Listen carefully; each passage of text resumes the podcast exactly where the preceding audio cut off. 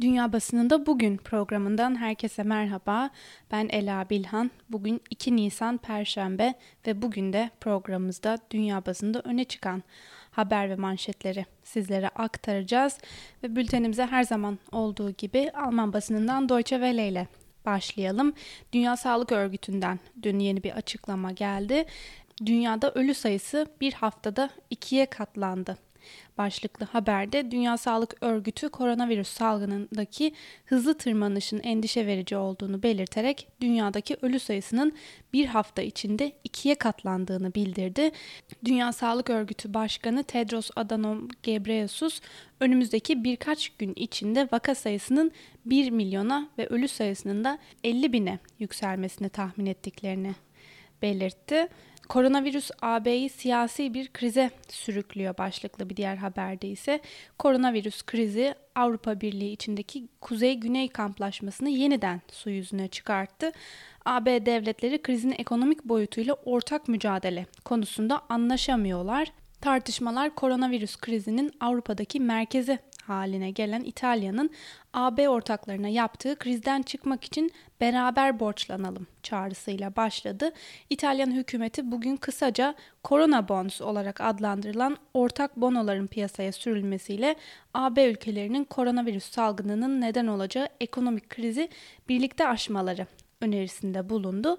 E, bu öneriye AB'nin İspanya, Fransa, Portekiz, Yunanistan ve Kıbrıs'tan oluşan Akdeniz kanadının yanı sıra Slovenya, Belçika, Lüksemburg ve İrlanda'da destek veriyor. Ancak mali disiplinleri güneye nazaran daha e, çok daha iyi olan Almanya, Hollanda, Avusturya ve Finlandiya gibi ülkeler bu fikre sıcak bakmıyorlar. Bu ülkelerin başlıca gerekçesi AB'nin Akdeniz kanadının mali disiplin konusunda gevşek davranmaları. Gözler şimdi AB liderlerinin 7 Nisan'da düzenlenecek bir sonraki telekonferans zirvesinde. Bu zirve öncesi AB projesini savunan çevreler alarm zillerini çalmaya başlamış durumda. Avrupa Komisyonu'nun eski başkanlarından 94 yaşındaki Jacques Delors durumun nedenli vahim olduğunu göstermek amacıyla bir makale kaleme aldı ve AB projesinin ölümcül bir tehditle karşı karşıya olduğu mesajını verdi. Avrupa Parlamentosu'nun İtalyan Başkanı David Sassoli dayanışma olmazsa birlikte olma nedeni ortadan kalkar diyor. Eurogroup Başkanı Mario Contene ise Euro bölgesinde kırılma riskinden söz ediyor denilmiş haberde. Gelişmekte olan ülkeler korona girdabında başlıklı bir diğer haberde ise koronavirüs vakalarının gelişiminden bağımsız olarak birçok ülke ekonomik açıdan şimdiden hasar görmeye başlamış durumda. Almanya merkezli Sparkasse'nin menkul kıymetler kuruluşu Deka Bank'ın hazırladığı analize göre virüs krizi gelişmekte olan ve yeni sanayileşen ülkeleri son süratle vuracak. Küresel Ekonomi Enstitüsü'nden Alman ekonomist Rolf Langhammer de aynı kaygıya sahip. Gelişmekte olan ve yeni sanayileşen ülkeler konusunda uzmanlaşan Langhammer, e, korona krizi sonrasında yoksulluktan kaynaklanan göç dünya genelinde şiddetli biçimde artabilir uyarısında bulunuyor. Avrupa ve ABD ekonomiyi ayakta tutmak için dev yardım paketleri hazırlarken gelişmekte olan ve yeni sanayileşen ülkelerin virüsün yol açtığı hasarı nasıl kompanse edecekleri ve toplumsal huzuru nasıl garanti edecekleri bir muamma ifadelerini kullanmış açıklamasında. İtalyan basınından The Local ise İtalya Başbakanı Giuseppe Conte'nin koronavirüsle savaş henüz bitmedi sözlerini gündemine taşımış. Haberin detaylarında ise Conte'nin ülkede Mart ayının başından beri süren sokağa çıkma yasaklarının 13 Nisan'a kadar uzatıldığını duyurduğu belirtilmiş. Bir diğer haberde ise ülkenin Sosyal Güvenlik Kurumu'nun web sitesinin kapatıldığı belirtilmiş. İtalyan hükümeti ekonomik zararları hafifletmek için mevsimsel ve serbest çalışanların Sosyal Güvenlik Kurumu'ndan 600 euro talepte bulunabileceğini duyurmuştu. Saniyede yüzden fazla kişinin girmeye çalıştığı web sitesinin siber saldırılar yüzünden kapatıldığı belirtilmiş haberde. Bültenimize Euronews'la devam edelim. Almanya merkezli Simonto Teknoloji Grubu koronavirüs salgını sonrası milyarlarca insanın zorunlu olarak evde kalmak zorunda kaldığı şu günlerde insan psikolojisini yapay zeka yöntemiyle anlamaya yönelik bir araştırma yaptı. Sosyal medya platformu Twitter üzerinden 3.7 milyonu aşkın mesajın analiz edildiği çalışmada insanların karantina süreci boyunca %35'inin kaygı, %23'ünün stres, %15'inin depresyon ve %5'inin de travma gibi kelimeleri kullanarak hislerini ifade ettiği ortaya çıktı. Araştırmada %5 yeme içme bozukluğu ve %4 oranında da intihar konularının konuşulduğu görülüyor. Öte yandan karantina sürecinde evde olan insanların %11'i televizyon, %7'si spor yapma ve %8'i ise müzik dinlemeyi tercih ederken %18'lik bir kesim ibadet etme, kitap okuma ve ev işleriyle ilgilendi denilmiş haberde. Sıradaki haberimize geçelim. İsrail Sağlık Bakanı Litzman ile eşinin COVID-19 testi pozitif çıktı başlıklı haberde İsrail Sağlık Bakanlığı basın ofisinden yapılan yazı, yazılı açıklamada 71 yaşındaki Sağlık Bakanı Litzman ile eşine yapılan testin sonucunun pozitif çıkmasına rağmen bakanın görevini evden yürütmeye devam edeceği vurgulandı. Bir diğer habere geçelim. Birleşmiş Milletler'den koronavirüs tedarik zincirini etkiliyor, dünya genelinde gıda sıkıntısı yaşanabilir. Başlıklı habere kısaca göz atalım.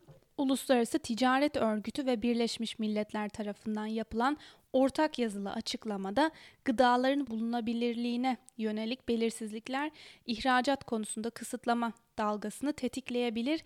Bu durum dünya genelinde gıda sıkıntısına yol açabilir ifadeleri yer aldı. Söz konusu kurumlar gıda sıkıntısı riskinin giderilmesi için dünya genelinde ticaretin devam etmesi gerektiğini savunuyor. Tedarik zincirinin ayakta durabilmesi için sektörün koruma altına alınması gerektiği belirtiliyor denilmiş haberde. Washington Post'ta Uluslararası Ticaret Örgütü ve Birleşmiş Milletler tarafından yapılan açıklamayı gündemine taşımış ticaret sınırlamalarının veya kısıtlamalarının kaldırılmadığı takdirde gıda stoklarında sorun yaşanacağı ve bunun da bir gıda krizine dönüşebileceği belirtilmiş. Bir diğer haberde ise Washington ve Kaliforniya'da veriler sosyal mesafe kurallarının işe yaradığını gösteriyor başlığıyla öne çıkmış. San Francisco ve Washington eyaletindeki zorunlu karantina önlemlerinden iki hafta sonra diğer ABD metro istasyonlarına kıyasla enfeksiyon eğrisinin düzleştiğine dair bulgular olduğu belirtilmiş haberde. BBC'de yer alan birkaç haberi de sizlere aktaralım. İngiltere'de solunum cihazları ölme ihtimali yüksek hastalardan çıkarılıp gençlere takılabilecek başlıklı haberde Ulusal Sağlık Servisi'nde e, aşırı yoğunluk durumunda doktorların atması gereken adımlar konusunda bir rehber hazırlandı. Tabipler Sendikası ve meslek örgütü British Medical Association tarafından yayımlanan belgede durumu ilerleme kaydetmeyen COVID-19 hastalarından solunum cihazlarının çıkarılıp hayatta kalma ihtimali yüksek olanlara takılması gerekebileceği belirtildi. Rehberin hazırlanma nedenine dair açıklamada salgının doruğa ulaştığı anda ciddi sağlık gereksinimleri mevcudun önüne geçebilir ve hayat kurtarıcı sınırlı kaynakların nasıl dağıtılacağı konusunda zor kararlar almak gerekebilir denildi denmiş haberde. BBC'den Laura Kessenberg'ün bir haberiyle devam edelim. İngiltere'de test kitlerinin yetersizliği siyasi sorun haline geliyor. Başlıklı haberde test sayısını arttırmanın ne kadar önemli olduğunu herkes görüyor. Bakanlar son dönemlerde test sayısının da hızlı arttırılacağı sözünü veriyor. Ancak verdikleri söz pek de hızlı şekilde yerine geliyor gibi durmuyor. Hükümet salı günü testleri edinme konusunda ciddi bir sorun yaşadığını itiraf etti. Test kitlerini üretmek için gerekli olan kimyasalların dünya genelinde kısıtlı sayıda bulunduğunu söyledi denmiş haberde. Sosyal medya siteleri yalan haber yayan ülke liderlerinin paylaşımlarını siliyor başlıklı bir diğer habere göz atalım. Brezilya Devlet Başkanı Bolsonaro sıtma ilacının koronavirüs tedavisine kesinlikle iyi geldiğini iddia eden bir videoyu Facebook'ta paylaştı. Facebook bir süre sonra videoyu kaldırdı. Bir süre sonra Venezuela Devlet Başkanı Maduro'nun Twitter'daki bir paylaşımı kaldırıldı. Bu paylaşımda da virüsü kapanların evde nasıl tedavi edileceğinin bilindiği iddia edilmişti. Bu e, videoda bu yöntem anlatılıyordu. Twitter ve Facebook uluslararası kamu sağlığına aykırı paylaşımlara karşı harekete geçeceğini yanlış bilgilendirmeleri kimden gelirse gelsin sileceğini duyurdu denmiş haberde. Hindistan'dan bir haber var. Hindistan hükümeti 20 bin tren kompartmanının koronavirüs hastalarının karantina altına alınacağı koğuşlara e, dönüştürüleceğini açıkladı. 320 bin kişinin bu şekilde izole edilmesi amaçlanıyor denilmiş haberde. Bültenimize İngiliz yayın kuruluşu Independent'ta devam edelim. Bernie Sanders ve Cortez'den ABD yönetimine çağrı Covid-19'un darbe vurduğu İran'a yaptırımları kaldırın başlıklı bir haberle başlayalım. İçlerinde kongre üyesi İlhan Ömer, Ocasio-Cortez ve Sanders'ın da bulunduğu 40'a yakın siyasetçinin imzaladığı açık mektupta Trump yönetimi durumu çok daha kötüleştirmek yerine insani yardım aracılığıyla müdahil olmaya davet ediliyor ve İran'a uygulanan yaptırımları kaldırılması çağrısında bulunuyor denilmiş haberde. Sıradaki habere geçelim. Almanya'da koronavirüs önlemleri 19 Nisan'a kadar uzatıldı. Başlıklı haberde telefonla basın açıklaması yapan Almanya Başbakanı Angela Merkel, Covid-19'un yayılmasına karşı sosyal temasın 19 Nisan'a kadar kısıtlanması konusunda mutabakat sağlandığını bildirdi. Merkel gelecek hafta Paskalya Bayramı'nın kutlanacağını hatırlatarak pandemi bayram tanımaz ifadesini kullandı. Vatandaşlara Paskalya döneminde seyahat etmemeleri uyarısını yapan Merkel, önlemleri gevşetmeyi düşünmek için henüz çok erken diyerek tedbirlerin Paskalya sonrası tekrar ele alınacağını söyledi denilmiş haberde. Fransa'da koronavirüs nedeniyle 3.6 milyon kişi işsiz kaldı başlıklı bir diğer haberde Çalışma Bakanı Muriel Penissut yaptığı açıklamada salgından ekonomik olarak olumsuz etkilenen 337 bin şirketin 3.6 milyon çalışanını işten çıkarttığını belirtti.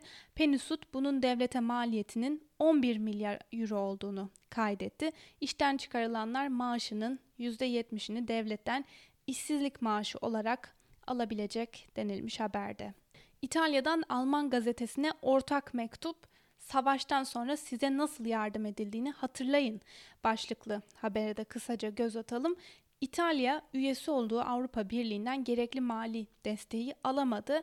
Berlin'in İtalya'nın hırpalanmış ekonomisine yardım etmek için diğer ülkelere borç verme çağrısı yapmayı reddetmesi de İtalyanların öfkesini arttırdı. Reuters'ın haberine göre bunun üzerine Alman gazetesi Frankfurter Allgemeine Zeitung için bir yazı kalemi alan İtalyan belediye başkanları ve bölge valileri müşterek yardım çağrısında bulundular. Koronavirüs salgını sırasında Almanya'dan dayanışma bekleyen siyasetçiler İkinci Dünya Savaşı'ndan sonra bu ülkeye yapılan yardımları hatırlattı. Yazıda sevgili Alman dostlar hafıza doğru kararlar almamıza yardımcı olacaktır sözleriyle savaş sonrası yükünü hafifletmek için 1953'te Almanya'nın borçlarının azaltılması anımsatıldı denilmiş haberde. Ve son olarak Rus haber ajansı Sputnik'te yer alan birkaç haberi de sizlere aktaralım. Rusya İnsan Sağlığı ve Tüketiciyi Koruma Kurumu Başkanı Anna Popova, e, Rusya'nın yeni tip koronavirüs yayılım hızının düşük olduğunu kaydetti. Öte yandan hükümet üyeleriyle video konferans yoluyla toplantı gerçekleştiren Rusya Devlet Başkanı Putin, ülkemizde durum zorlaşıyor. Genel olarak dünyada koronavirüsle ilgili durum çok zor. 850 bin kişi hastalandı ve Rusya topraklarında son verilere göre 2777 vaka tespit edildi dedi. Öte yandan OPEC ülkeleri ve ABD'deki partnerlerle petrol fiyatlarındaki düşüşü görüştüklerini belirtti. Putin bu sorun Amerikalıları da endişelendiriyor. Çünkü farklı değerlendirmelere göre çist petrol üretiminin karlılığı varil başına 40 dolar civarında. Bu yüzden son durum ABD ekonomisi içinde çok ağır bir sınav diye ekledi. Ee, öte yandan Rusya Başbakanı Mihail Mishustin, Maliye Bakanlığı'nın koronavirüsün yayılması ile mücadele kapsamında önlemlerin uygulanabilmesi için 1.4 trilyon ruble ayırdığını belirtti denilmiş haberde. Sevgili Özgürüz Radyo dinleyicileri, bu haberle birlikte bugünkü programımızın da sonuna geldik. Yarın aynı saatte görüşmek dileğiyle. Şimdilik hoşçakalın.